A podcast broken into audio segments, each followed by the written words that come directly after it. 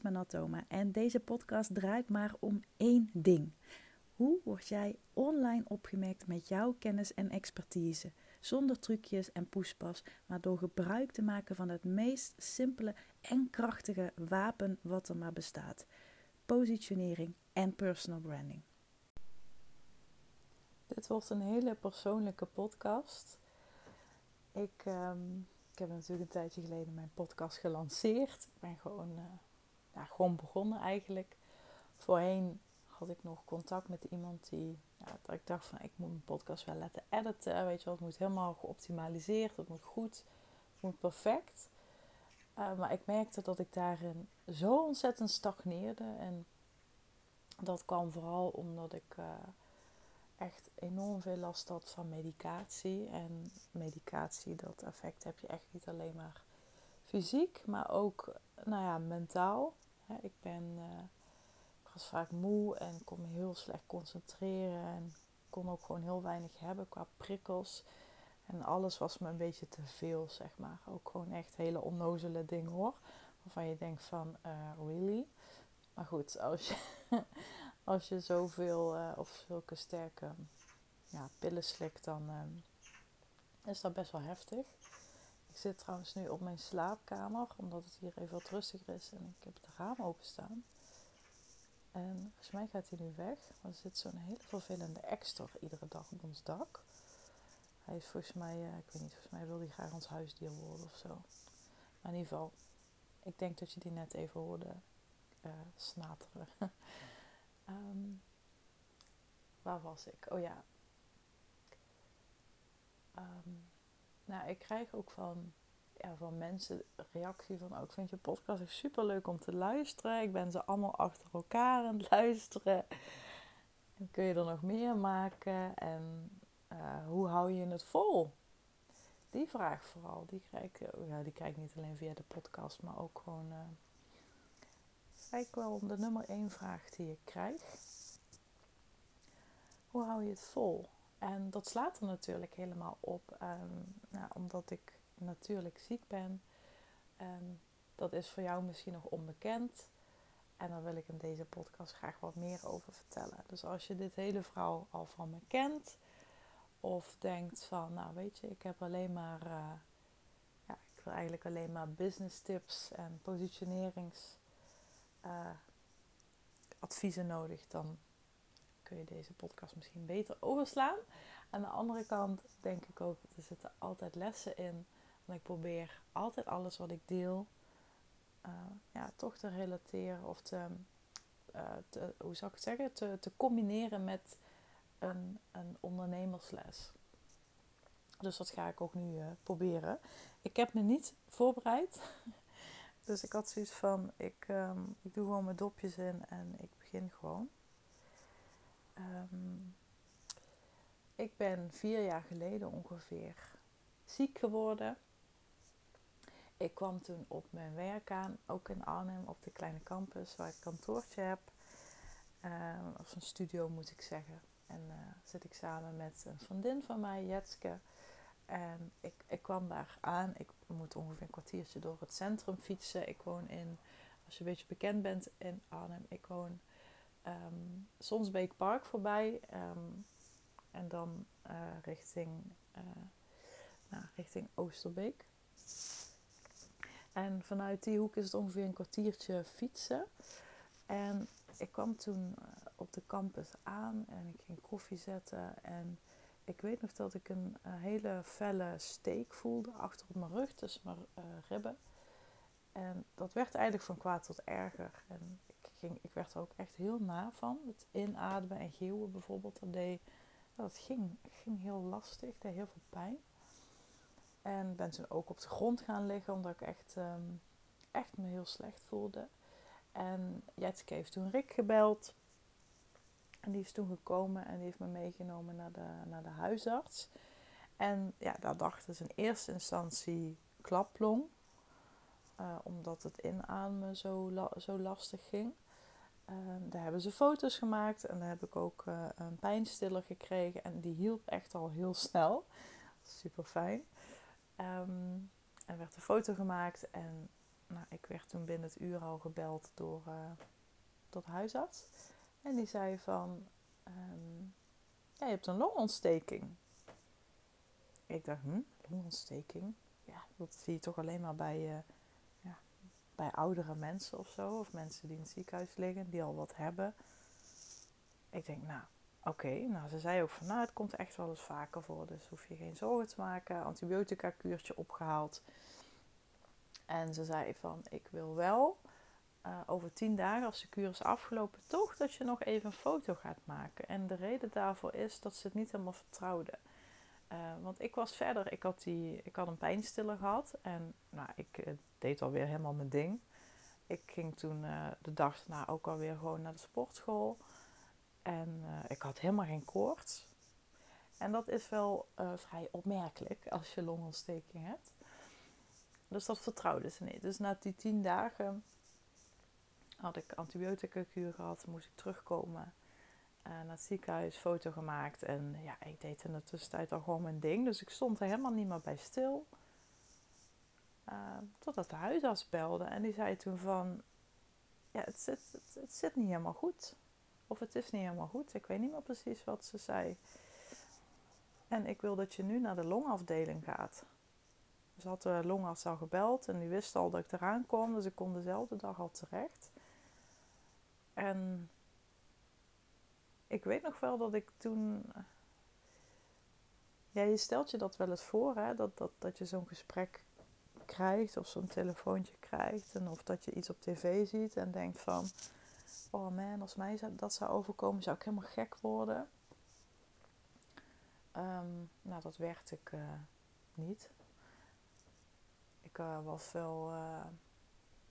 Ja, ik was eigenlijk vooral heel erg overweldigd. ik dacht, ja, wat heb ik nou op mijn fiets hangen? Ik had er ook gewoon helemaal niet meer bij stilgestaan. Ik denk, nou, ik laat die foto maken en dat zal het wel. Um, goed, ik ben toen uh, naar het ziekenhuis gegaan en uh, toen kreeg ik een longarts.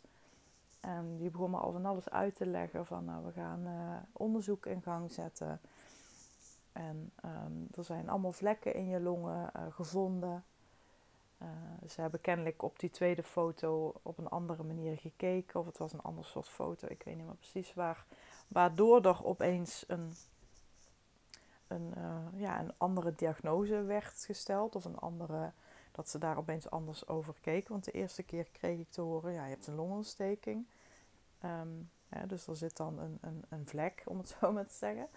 En ja, de tweede keer bleek dat er, dat er veel meer van dat soort vlekken uh, witte plekken te zien waren. Hè? Want als, als je een röntgenfoto hebt uh, of een CT, dan moet dat eigenlijk lichtdoorlatend zijn, zo'n foto. En bij mij zag je heel veel witte, um, ja, witte plekken. Dus dat was niet doorzichtig. En toen zijn ze heel snel dingen in gang gaan zetten. En uh, ik weet nog dat, dat heel, heel snel al longkanker werd uitgesloten, gelukkig. Want ik had ook echt zoiets van, ja, weet je, longkanker, jezus, doe normaal. Ik rook niet. Ik heb het vroeger wel gedaan hoor, met in weekendjes of op een feestje of zo, weet je, als je jong bent. Maar dat is echt al, ja, al zo lang geleden. Um, goed, zeg natuurlijk nog niks, maar ik, uh, ik had wel zoiets van, nou, dat, kan toch niet? Gelukkig werd dat al heel snel uitgesloten, dus daar was ik heel blij om. Uh, maar ja, toen begon de zoektocht naar ja, wat is het dan wel? En toen ben ik echt in een medische molen terechtgekomen die ik zelf ook niet meer zo heel goed kan navertellen, gek genoeg. Uh, het heeft echt een jaar in beslag genomen. Dat, dat lijkt nu echt ja, bizar lang. Dat je denkt, ja, ja, hoe kan dat nou? Maar ja, je moet je voorstellen dat je ja, een onderzoek krijgt. Nou, daar gaat twee weken overheen. Dan moet zoiets weer vier weken op kweek. Uh, hè, weet je, en zo gaat de tijd voorbij. En een, een arts begint gewoon heel ja, schematisch. Ze beginnen gewoon bovenaan de ladder.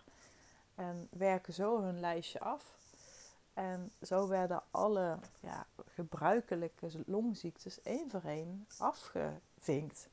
Of als in niet afvinken van ik heb het, maar afgestreept, uh, je hebt ze niet. Maar er zat wel wat. Hè? Dus ik was op een gegeven moment ook een beetje recalcitrant. Ik zei van ja, wat doen we nou eigenlijk moeilijk over? Ik voel me gewoon goed. ik was ook gewoon weer aan het sporten. Ehm, ik, ik had geen koorts of niks. Ik, ik voelde me gewoon ja, normaal. Dus ik denk, ja, wat een poppenkast. Ehm, dus ik heb toen ook vaker aan mijn longarts destijds gevraagd van... Ja, heb je wel de goede foto's? Hebben jullie je niet vergist per ongeluk? En, en dat vond hij ook heel vreemd. Want hij zag ook in die tijd dat het beeld uh, verslechterde in mijn longen. Maar dat, ik, ik, ik voelde dat niet zo. Want het eerste wat hij ook altijd vroeg als ik binnenkwam van... Hoe gaat het? Hoe voel je je? Dan zei ik altijd, ja goed. Maar dan zag ik vaak al aan zijn gezicht... Um, de foto zegt wat anders.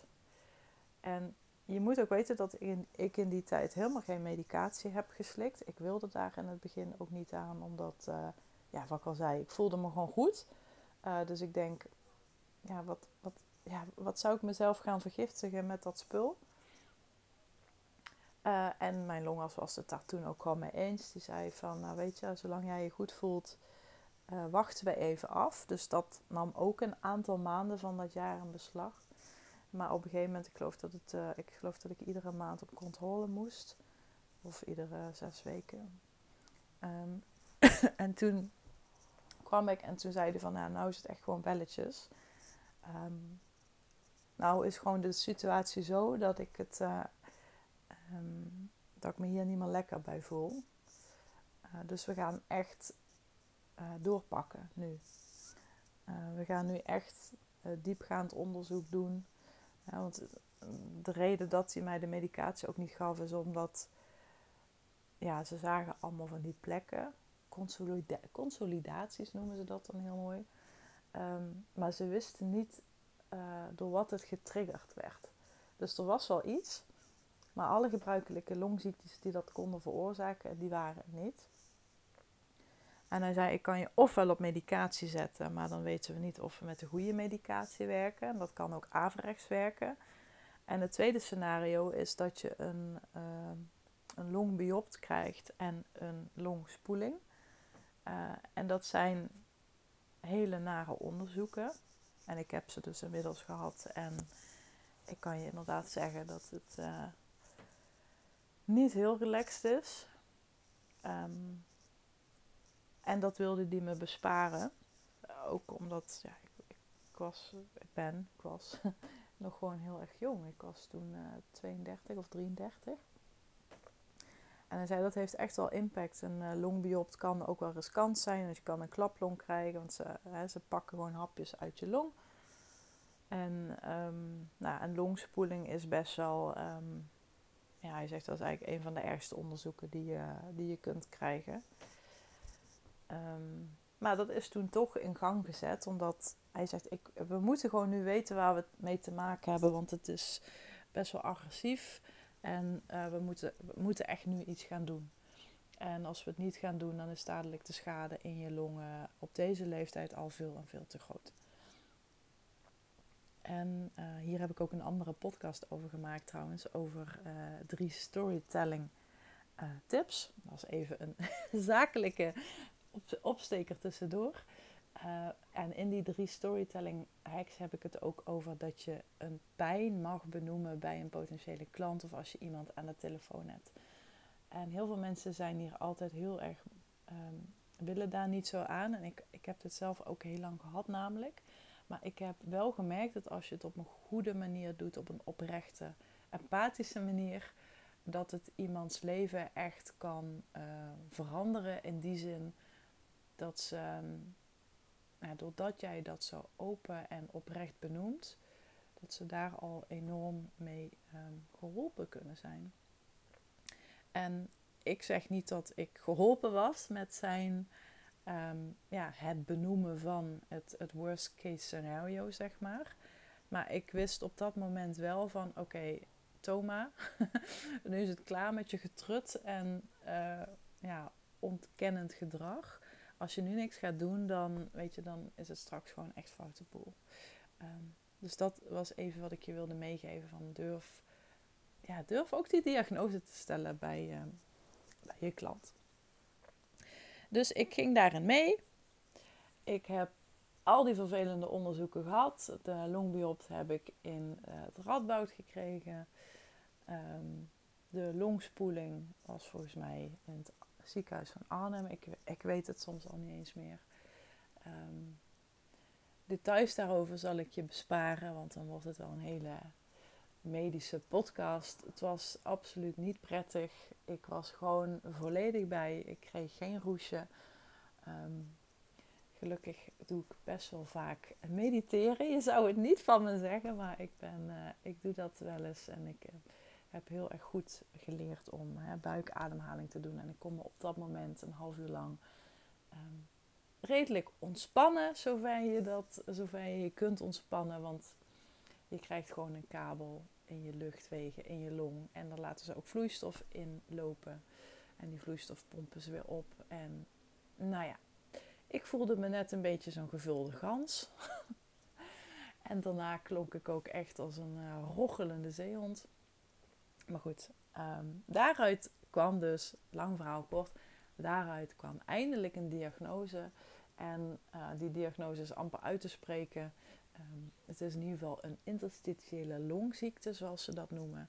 En interstitieel uh, heeft ermee te maken dat de ruimte tussen de longblaasjes, um, ja, daar die wand omheen, zeg maar, dus echt in de diepste krochten van je longen, dat is ontstoken bij mij. En dat is niet zo fijn, want daar vindt net die zuurstofopname en stikstofafgifte plaats. Hè? Weet je wel, die uitwisseling van die gassen. En dat, is, dat, dat gebied uh, raakt ontstoken. En um, dat wat ontstoken is geraakt, dat kan ook weer voor littekens zorgen. En dat noemen ze weer longfibrose. En um, ja, een, een uh, litteken op je long, dat is gewoon, dat gaat nooit meer werken, zeg maar. Dat is onomkeerbaar. Um, nou, dus ja, toen wist ik dat eenmaal. Toen ben ik ook op uh, medicatie gestart. Ik ben toen in het ziekenhuis zelfs nog behandeld met een um, ja, zwaar prednison-infuus. Ik weet niet meer hoeveel milligram ze toen door mijn donder hebben gejaagd. Maar nou, ik heb daar ooit een foto van gemaakt voordat ik het ziekenhuis inkwam. En drie dagen daarna, nou echt mijn hoofd. Ik, uh, ik, was, net, uh, ik was net een Oompa Loompa. Of een emoji, zo, uh, zo leg ik het ook wel eens uit. Gewoon mijn jukbeenderen, alles was weg. En ik, in die tijd is ook heel veel onzekerheid bij mij begonnen. Uh, ook over natuurlijk mijn uiterlijk, want ik ben heel erg veranderd door medicijngebruik. ik ben aangekomen door prednison. In het begin dacht ik nog van, oh, het valt me wel mee. Um, maar weet je inderdaad, als je een maandje prednison moet gebruiken bijvoorbeeld, dan dat is voor heel veel mensen al heel heftig. Uh, maar dan is er nog geen man overboord. Maar ik gebruik het inmiddels vier jaar. En um, dat heeft heel veel met me gedaan qua uiterlijk. En ja, weet je, mensen kunnen wel heel mooi zeggen: het draait om het innerlijk. En je bent nog steeds dezelfde persoon. En dat zal ook wel, maar zo voelde ik dat niet.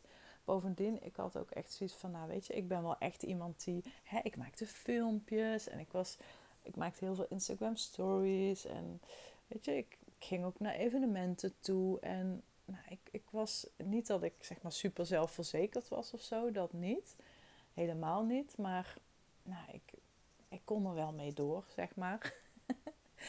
en um, nou ja, daar gooide prednison even goed in het eten ik ben dus echt ook echt heel veel aangekomen.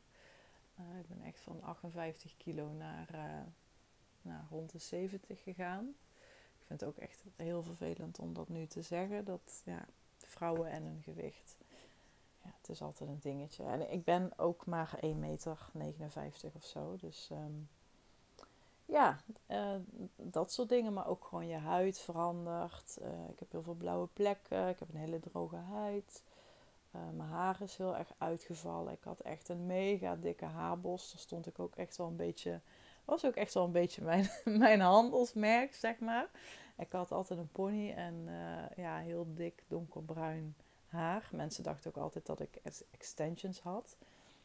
Uh, dat had ik niet. Dus ja, er valt opeens een soort laagje van je af. Waarvan iedereen wel kan zeggen: ah joh, weet je, 10 kilo meer Uh, dat maakt, je bent nog steeds mooi en lief en leuk. En, en dat zal ook allemaal wel. Maar ja, toch, toch het doet enorm veel met je. En um, ja, dat heeft er ook voor gezorgd dat ik op een gegeven moment wel echt afstand ben gaan nemen van uh, ja, social media. Ik ben in die tijd toen wel een ander social media account begonnen. Six Style Collective. Zoek, zoek ons even op op Instagram. Um, ik ben toen dingen voor het Longfonds gaan doen. Uh, T-shirtjes heb ik ontworpen. Uh, allemaal hè, met een dubbelzinnige en grappige boodschap om nou, mensen met een uh, ernstige chronische ziekte een hart onder de riem te steken. En ook om een gedeelte van, uh, van de verkopen te, te doneren aan, aan het Longfonds.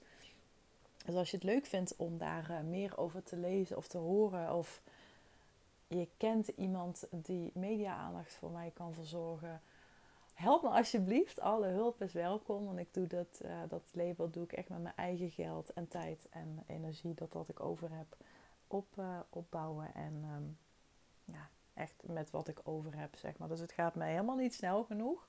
Maar ja, helaas, ik moet daarin ook gewoon keuzes maken. En ja, dat, dat label heb ik toen in die tijd, toen ik, toen ik ziek was, opgezet. En um, ja, het, het heeft mij ook, dat is ook wel weer een inzicht wat ik misschien even zakelijk met je wil delen. Ik was altijd zo gefixeerd op ja, klanten helpen, omzet maken, naam opbouwen, gezien worden, online zichtbaarheid. Uh, ja, weet je, allemaal dat soort typische dingen waar ondernemers mee bezig zijn. Maar ik, ik heb me toen ook heel erg gerealiseerd. Um, ik wil ook echt iets. Ja, ik wil echt iets doen. Iets. Iets wat me echt aan het hart gaat. En begrijp me niet verkeerd, mijn bedrijf. Ja, positioneer en presenteer jezelf als merk. Mijn methode waarin ik andere mensen help zichzelf te positioneren en hun persoonlijke merk te versterken om op die manier uh, meer of beter of andere klanten te genereren. Dat gaat me, uiteraard gaat me dat ook heel erg aan het hart. Maar Sixtaal um, ja, kwam echt gewoon uit een, uh, ook echt uit een pijn, uit een verdriet. Uit um, ook een manier om op een bepaalde manier creatief te uiten. Hè? Andere mensen gaan misschien muziek luisteren of mediteren of um, tekenen. En um, ik merk ook heel erg dat als ik heel erg in mijn hoofd zit, dan, um, dan helpt mediteren voor mij niet zo goed in de standaardzin van uh, op een matje liggen en uh, op je ademhaling letten. Voor mij werkt het dan beter als ik ga mediteren in de vorm van gewoon, ja, inderdaad schrijven of tekenen en op die manier gewoon mijn gedachten te laten afdwalen. En dat vond ik heel erg in Six Style. Ik vond het ook heel mooi om iets op te zetten waarmee ik iets kan betekenen voor een ander. En in dit geval uh, ja, hielp ik mezelf ermee, maar hielp ik ook andere mensen met een ziekte, maar ook de fondsen die deze zieke mensen steunen, hè, die, um, nou ja, die onderzoek doen naar. Uh, naar het verhelpen van ziektes, zoals bijvoorbeeld het Longfonds. En inmiddels heb ik ook het Diabetesfonds geholpen. En ja, ik heb, ik heb wel gemerkt dat dat voor mij uiteindelijk veel meer voldoening geeft. En begrijp me niet verkeerd, er is echt niks mis met geld verdienen, met veel geld verdienen. Want dat stelt je ook in staat om dit soort dingen te doen. Maar ik denk echt dat het je als mens veel, uh, ja, veel meer verrijkt als je ook ja, je op de een of andere manier inzet voor iets. En of dat nu uh, nou, iets in je buurt is of een actie ergens of je verzint zelf iets of je helpt af en toe iemand gratis, wat het dan ook maar is. Ik heb gewoon heel erg ervaren dat me dat echt een heel fijn en warm gevoel geeft. En dat Dat als je een goed lopend bedrijf hebt, dat, dat dat je ook in staat stelt om dit soort dingen te doen. En natuurlijk kun je ervoor kiezen om alles uit te geven aan, aan dure spullen en, en een dikke auto voor de deur en een heel groot huis. En mag allemaal, it's all good by me. Maar nou, mij persoonlijk, ja, ik vind het prettiger om ook echt, echt iets te doen uh, daarnaast voor een ander. Dat, ik denk dat dat je als mens gewoon ja, verrijkt. Dus dat ben ik toen in die tijd heel erg gaan doen. Sixtaal opgericht, mijn tweede bedrijf. Uh, waarvan ik ook weer even een, uh, ja, een soort business tip met je wil delen. Want ik spreek natuurlijk ook heel vaak ondernemers die zeggen... Oh, maar ik heb dit idee en ik heb dat idee en ik heb zus idee. En hoe moet ik dat aanpakken, Menon? Want ik ben een, um, meestal hè, een multi-potential of een multi uh, passionate. Volgens mij zijn dat de twee termen. Ik haal ze altijd door elkaar. Ja, ik ben zelf ook zo iemand. Ik ben zelf ook echt in de kern, denk ik, een multi-passionate. Ik vind onwijs veel dingen leuk.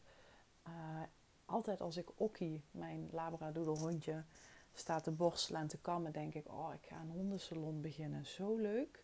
Lekker de hele dag met die beestjes. Heerlijk. maar ik doe het niet. Ik doe het niet. Ik geloof niet erin dat dat je uiteindelijk gaat helpen. Dus ik kies er heel erg bewust voor om me te focussen op één ding. En dat is natuurlijk al jaren. Je kunt hem al invullen. Anderen helpen met het positioneren en presenteren van zichzelf als merk. En dat is gewoon wat ik doe. Daar daar richt ik alles op. En dat betekent natuurlijk niet dat je geen andere dingen kunt toevoegen of ehm, andere opleidingen kunt doen. Hè. Ik heb bijvoorbeeld onlangs een training bij Donald Miller gedaan, Storybrand. En, maar ik zie dan wel een duidelijke uh, uh, klik, zeg maar, met positioneringen, met personal branding. Dus als ik iets nieuws wil leren, wat ik heel graag doe, dan kijk ik daar wel strategisch naar. Ik zal bijvoorbeeld niet zo snel een cursus uh, video editen bijvoorbeeld gaan doen. Alhoewel dat ergens ook nog wel schuurt aan mijn oude vakgebied, wat natuurlijk grafisch ontwerpen is. Maar dat heb ik echt op een laag pitje gezet. Dus ik, ik ben heel strategisch daarin. En dat is ook wat ik ja, tegen die klanten altijd zeg, of tegen de mensen die ik spreek. Ik vind heel veel dingen leuk. Ehm, ja, ik zeg ook altijd, wat, wat zou je kiezen als je moet kiezen? Ik uh, werk sinds dat ik ziek ben geworden nog ongeveer halve dagen. En vandaag is het vrijdag. En op vrijdag heb ik sowieso altijd mijn hele agenda leeg. Doe ik helemaal niks. Behalve als ik zin heb, zoals nu een podcast opnemen. Um, wat zou je kiezen als je maar vier uur per dag kon werken? Wat zou je dan echt doen? Wat zou dan voor jou echt niet discussieerbaar zijn? En dat is gewoon een hele slimme om over na te denken. En, en ik weet dat jij bent waarschijnlijk kerngezond. Je hoeft je nergens druk over te maken in die zin. Qua gezondheid dan. Ongetwijfeld heb je dingen waar je druk over maakt. Maar ik, ik kan daar soms ook echt een beetje um, obstinaat van worden als ik dan mensen hoor die zeggen van ja, ehm, ik heb altijd heel erg last van uh, mijn menstruatie. Um, ja, en, en dan kan ik niet werken. Maar als je dat gevoel heel erg sterk hebt, en ook dat is voor mij herkenbaar, ik heb daar zelf ook heel erg last van. Maar stel je voor dat je dat dan iedere dag hebt. En er komt gewoon geen einde aan. Je hebt iedere dag hele zware buikpijn. En dat is pas in de middag over. Wat zou je dan doen? Dus probeer het echt even wat, wat erger te maken dan dat. En probeer het even door te trekken. Want het is niet een korte termijn iets. Je moet echt op de lange termijn denken. Wat wil je op de lange termijn het allerliefste bewerkstelligen en bereiken, zakelijk en privé? En wat is daarvoor dan nu slim om te doen? En wat is daarvoor dan nu niet meer slim om te doen? voor mij was dat echt een mega eye-opener. Ja, ook omdat ik een soort van gedwongen werd. En het grappige is dat tussen haakjes door mijn ziekte mijn bedrijf echt enorm is gegroeid qua omzet. Ja, want verder heb ik geen personeel of zo. Dus ik ben niet gegroeid qua werknemers of, of dat soort zaken. Daar wil ik ook heel bewust niet aan. Maar dat is misschien meer een onderwerp voor een andere podcast. Maar ik kies er heel bewust voor om klein te blijven. En met klein heb ik het niet over uh, hè, omzet. dat kan me niet groot genoeg. Maar meer in de trant van: ik hou gewoon niet van rompslomp. Ik hou gewoon niet van gedoe. Ik heb ook van meerdere kanten in mijn omgeving gezien Ehm, dat er ook heel veel nadelen aan zitten als je personeel hebt. En ik maak gewoon die keuze om het niet te doen. Ehm, en dan weet ik ook dat er, uh, dat er ondernemers zijn die zeggen: ja, maar goed, als je geen mensen in dienst hebt, heb je geen, ben je geen echte ondernemer. Uh, nou, ik denk dat je als je zoiets zegt, uh, geen echte ondernemer bent. Want je kunt dat helemaal doen en laten op een manier die bij jou past. En ik heb bijvoorbeeld gewoon freelancers die ik uh, in kan schakelen als er iets is. Ik heb gewoon ook wel een soort team om mij heen. Alleen ik, ja, ik roep er nooit zo heel veel over, omdat ik ook zie dat het vooral op Instagram een soort van hype aan het worden is om maar te delen dat je een team aan het opbouwen bent. En dan denk ik, ja, lekker boeiend. maar goed, ik heb dus wel zeker mensen met wie ik samenwerk die ik naar voren kan schuiven, die ik kan bellen als er iets is. En dat zijn gewoon freelancers. En uh, ik ben dus niet gegroeid daarin, maar wel gewoon heel erg qua omzet. En mijn kosten zijn al jaren gelijk. Ik heb echt amper kosten. Uh, heel veel mensen denken dat ik, een, ja, omdat ik een eigen kantoor heb, dat dat uh, een grote kostenpost is. Maar wij hebben daar toen ontzettend mazzel mee gehad. En bovendien uh, delen we de ruimte. Dus dat is echt heel goed te doen. Ik zou er natuurlijk voor kunnen kiezen om die kosten weg te laten vallen. Maar ik vind persoonlijk vanuit thuiswerken. Um, ja, ik vind dat ook een stukje positionering. Ik vind dat niet. Um, ja. ja, ik vind het gewoon niet zo professioneel. Sorry. Ik zeg het maar gewoon heel eerlijk. Um, en ja, gewoon gewoon ook doen wat je, waar je jezelf prettig bij voelt. Hè? Ik bedoel, niet professioneel, dat, dat is misschien niet helemaal goed gekozen. Dat is misschien niet helemaal uh, wat ik bedoel. Wat ik daarmee bedoel is. Ik vind het zelf gewoon vooral fijner als ik klanten bijvoorbeeld ontvang dat dat niet thuis is. Het voelt voor mij dan iets te zeer aan mijn privésfeer of zo. Dat is denk ik meer hoe ik het bedoel. Kijk, als jij echt nooit klanten ziet, um, ja, boeiend. Al, al, zit je op de, al zit je in de kelder. dat maakt dan niet zo heel veel uit. Dus het is vooral, ja, qua, qua mijn positionering vind ik het gewoon uh, ja, wat beter om het vanuit, uh, vanuit een werkplek te doen. Um, dus om daar even op terug te komen, ik ben sinds dat ik ziek ben geworden, ben ik mijn bedrijf echt anders gaan inrichten. Ben ik veel meer structuur gaan aanbrengen. Dat is ook echt wel iets, uh, een dingetje voor mij. Maar dat, het, heeft me allemaal zoveel opgeleverd. Ik ben uh, het afgelopen jaar, uh, ik ben nu al, vier jaar ziek. Ik ben het afgelopen anderhalf jaar, moet ik zelfs al zeggen, bezig geweest met het ontwikkelen van een online omgeving.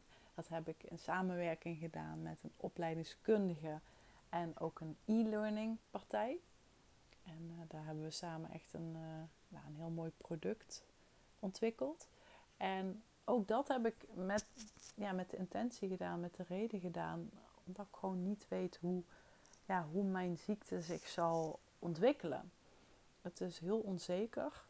Uh, op dit moment is het beeld stabiel, rustig. Dat betekent dat um, de criminele bende, zoals ik het noem, uh, niet vermeerderd is.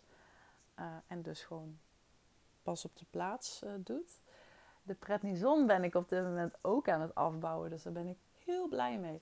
Want ik heb een ander medicijn gekregen wat op de lange termijn veel minder schadelijk is dan prednison. Prednison zorgt ook echt voor botontkalking. Ik heb heel veel druk op mijn ogen. Um, ja, allemaal, allemaal dat soort uh, ongemakken. En het medicijn wat ik nu heb, ehm, nou, valt wel in de categorie chemo. Uh, dat merk ik helaas ook heel erg aan mijn haar. Het is echt heel dun en uh, geworden en uit aan vallen. Maar op de lange termijn is dit medicijn gewoon veel ja, minder schadelijk. Um, en dat is ook de reden dat ik het krijg, omdat mijn artsen niet verwachten dat het, uh, dat het hoe zou je het zeggen, dat, dat het geneest.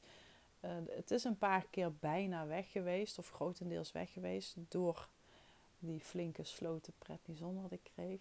Alleen het kwam echt onherroepelijk weer terug. Dus um, ja, zover ze nu weten is het chronisch. En um, voordat ik daar allerlei reacties op krijg, want dat is meestal als ik hier iets over deel, uh, dan krijg ik allerlei adviezen van: hey, heb je dit al geprobeerd? Heb je dat al geprobeerd?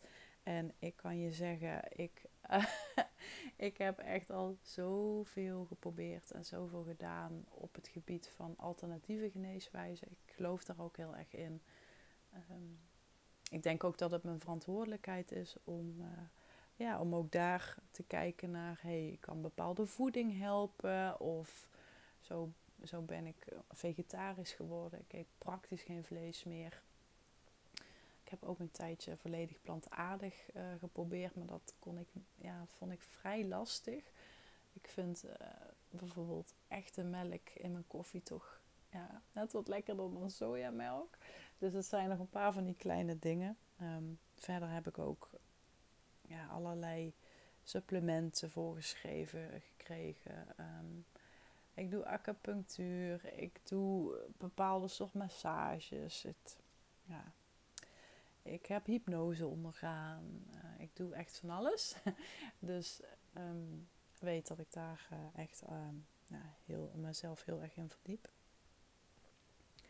En um, nu ben ik even de draad kwijt. Ook dat is helaas echt een van de irritante bijwerkingen. Dat ik soms nou, van de hak op de tak spring en um, gewoon mijn concentratie opeens helemaal weg is. Um, ik zit even te denken wat ik nog meer hierover wilde vertellen.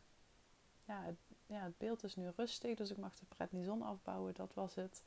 En het andere medicijn hebben ze de afgelopen maanden opgebouwd. het is een medicijn wat in je, eh, hoe heet het, in je ruggenmerg of beenmerg, zoiets, zich moet gaan ja, vastzetten of zo. Ik, ik, snap het niet.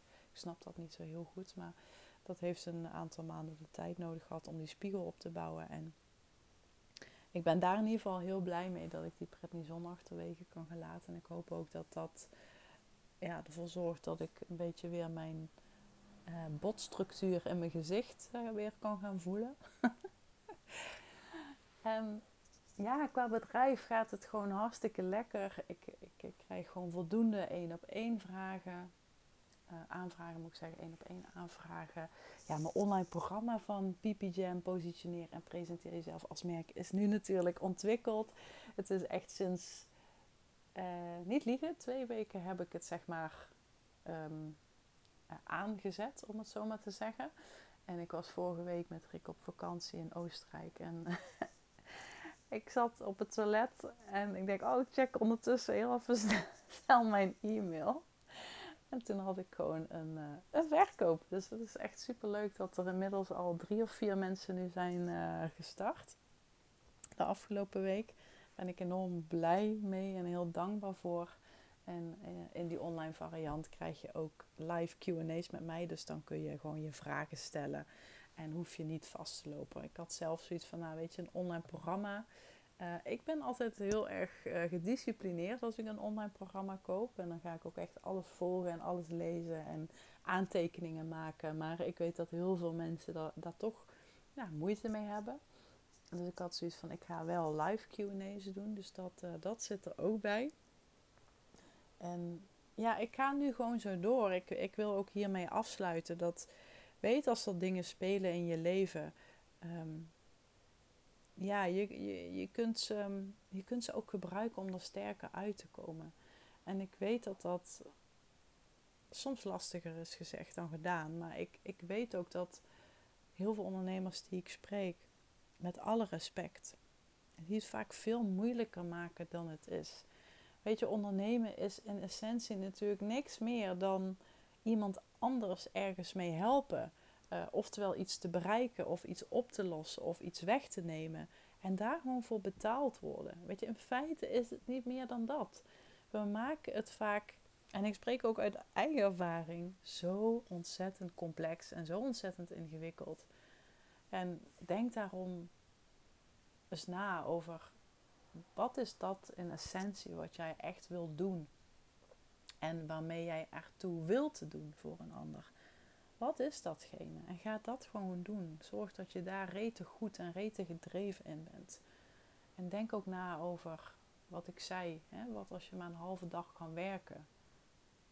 Of misschien zelfs twee uur per dag. Wat, wat zou je dan doen en wat zou je dan niet meer doen? En ga ook gewoon kijken naar je aanbod. Hè? Welke diensten heb je allemaal? Wat, wat moet je schrappen? Wat zou je juist kunnen verbeteren? Hoe kun je je aanbod waardevoller maken? Hoe kun je ervoor zorgen dat klanten langer bij je blijven? Of dat je meer klanten op, de, op, op, op één plek kan helpen. Ik heb bijvoorbeeld ook een membership omgeving. Ook gewoon heel simpel op Facebook. Ik heb geen dure plugin daarvoor gekocht. Uh, het is gewoon een Facebookgroep. Die heb ik helemaal ingericht met, zoals dat heet op Facebook, het Social Learning uh, Team heet dat volgens mij. En dan kun je net zoals in een online omgeving modules aanmaken. En daar kun je lessen onder hangen. Daar kun je documenten onder hangen. En daar betaal je gewoon nu nog 97 euro per jaar voor. En dan ben je gewoon 12 maanden lid. Weet je, dus probeer van dat wat je doet.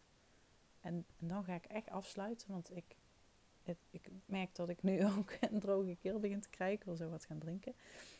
Zorg dat je gewoon rete goed en rete gedreven wordt in dat wat je wilt doen. Dat je daar, dat als iemand denkt, ik heb iemand nodig die, dat ze dan aan jou denken. Dus ga nadenken over al die dingen die je doet. Want jezelf positioneren en een sterk persoonlijk merk opbouwen, dat gaat er niet om heel veel dingen doen. Het gaat er juist om heel weinig dingen doen. Maar die dingen die je doet, die reten goed te doen. En dat is alles. En als je eerst dat doet, eerst dat doet, verder alles vergeten. Wat alle goeroes tegen je zeggen. Maak funnel, maak een online programma, maak Facebook advertenties. Vergeet het. Ik doe al die dingen nu pas, na ik zoveel jaar. Zorg eerst gewoon dat je dat doet. Dat je daarom bekend wordt. En dan kun je meer diversiteit aanbrengen in je aanbod. Door bijvoorbeeld een membership te maken op Facebook of een online programma te bedenken of groepstrainingen te geven, online of offline. Of mensen aan te nemen voor je team. Maar zorg eerst dat jij gewoon heel goed wordt in dat wat je wilt doen, zodat mensen gewoon niet meer om je heen kunnen. En dan zul je zien dat als je dat hebt, als je die naam hebt opgebouwd, die marktwaarde, dat mensen je echt niet vergeten als er iets gebeurt. Sterker nog, ze zullen je bewonderen omdat je blijft doorgaan. Ik heb dat laatst ook op LinkedIn ergens gedeeld. Ehm, ja, heel, veel, heel veel ondernemers die ik zie, die laten vaak het moment zien dat ze de berg beklommen hebben en aan de top staan met een vlaggetje. Maar ik geloof juist dat in deze tijd mensen, dat je mensen veel meer kunt inspireren als je ook laat zien dat je aan het klimmen bent, aan het worstelen. Dat je af en toe het pad kwijt bent. Laat dat zien. Durf ook je struggles te delen. Dat zal alleen maar je succes ten goede komen. En nu je mijn verhaal hebt gehoord, weet je dat het waar is. Nou, ik kan hier nog zoveel meer over vertellen. En, en ik hoop oprecht dat het een niet al te medisch verhaal is geworden. Want ik ben daar zelf altijd een beetje op. Ehm, ik hou daar zelf niet zo van. Maar ik, wilde wel het, het verhaal gewoon een keer delen, omdat ik daar regelmatig vragen naar krijg. En dan vooral met de vraag van ja, hoe manage je dat nu? Hoe, hoe zorg je nu voor dat je goed voor jezelf zorgt? Hoe ga je om met die heftige ziekte? En hoe zorg je ervoor dat je evengoed nog een goed bedrijf opbouwt? En ik denk dat het helemaal niet gaat om, om het ziek zijn, maar meer om erin te geloven dat er altijd een weg is. Nou, ik hoop dat dit je heeft geholpen. Ehm, ik vind het echt ontzettend leuk als je mij dat laat weten via een DM op Instagram of stuur mij een zakelijk WhatsAppje. Mijn telefoonnummer uh, staat in de notities van deze podcast. Je kunt me ook vinden op mijn website menontoma.nl. En nou ja, ik uh, hang overal wel uit. LinkedIn, Facebook, Instagram. En ik wens je een fijne, opmerkelijke dag. En tot de volgende keer. Dankjewel voor het luisteren naar deze podcast. Mocht je nu inzichten hebben opgedaan of mocht je een idee hebben voor een volgende aflevering, stuur me dan gerust een berichtje op Instagram, @manontoma, of benader mij in de Facebookgroep. Dat is de besloten membership Business, Branding en Beyond. En meer informatie hierover vind je op mijn website manontoma.nl. Mocht je deze aflevering waarderen, laat dan alsjeblieft een review achter op een van de podcastkanalen of stuur hem naar iemand door. Daar doe je mij een groot plezier mee. En rest mij alleen nog te zeggen: fire in the hole, zet hem op.